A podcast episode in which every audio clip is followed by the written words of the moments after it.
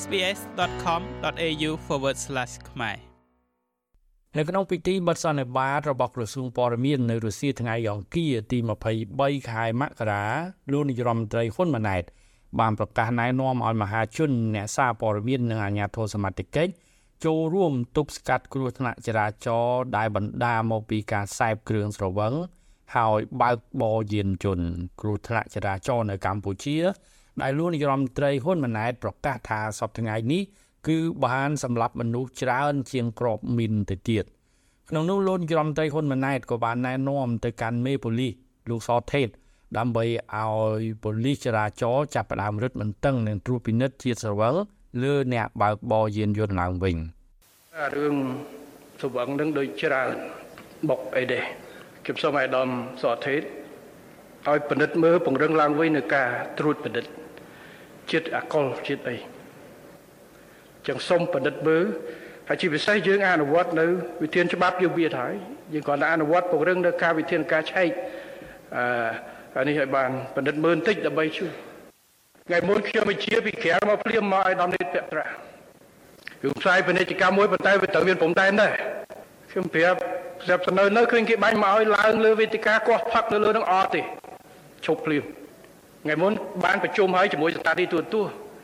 គឺឥឡូវហាមអាផ្សាយបិទប៉ាណូរបួយប៉ុន្តែដាក់ពាក្យអប់រំជាមួយផឹកបើថាបើកបច្រវឹងកំបើកបស្អីស្អីទៅប៉ុន្តែអារឿងនេះអារឿងឡើងវាយបុកឯហៅមនុស្សទៅគាត់ផឹកគាត់អីអត់ទេសូមឲ្យស្ថានីយទូទស្សន៍ទាំងអស់គឺឈប់ឲ្យធ្វើដល់បាទ ហើយខ្ញុំគិតថាក្រុមហ៊ុនស្រាប់វាបើមិនបានហៅមនុស្សទៅគាស់នៅលើនឹងក៏មិន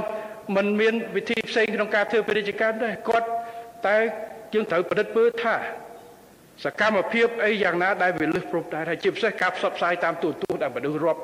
មើលនៅក្នុងកម្មវិធីល្បីល្បី concert ហើយនេះឯង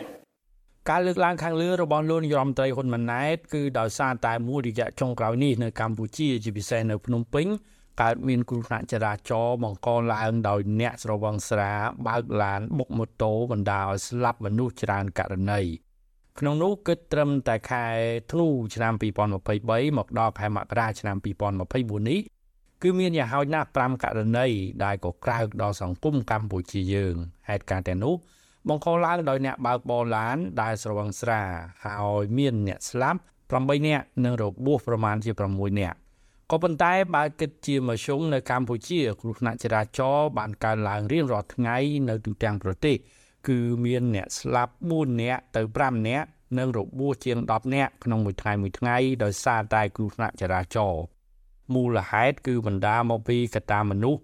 ដែលជាអ្នកបើកបរយានយន្តហើយមួយចំនួនជនបង្កនិងជនរងគ្រោះគឺជាអ្នកស្រវឹងស្រា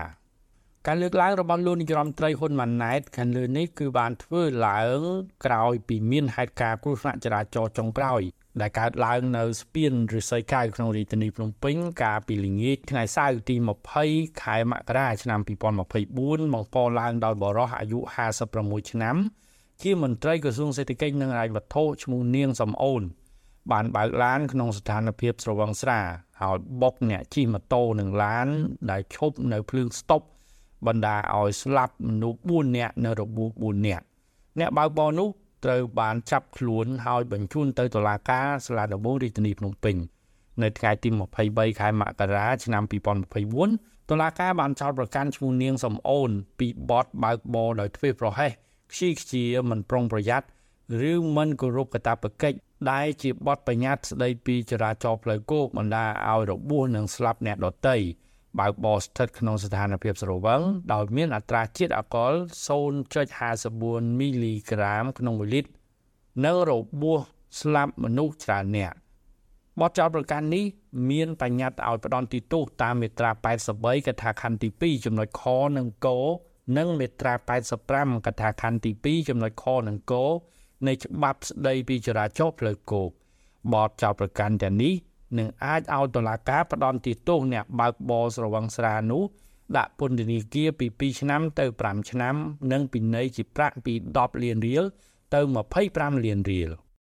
ចំណែកសេចក្តីរាយការណ៍មួយទៀតនិយាយអំពីទូតអូស្ត្រាលីប្រកាសគាំទ្រការធ្វើកិច្ចសហប្រតិបត្តិការជាមួយកម្ពុជា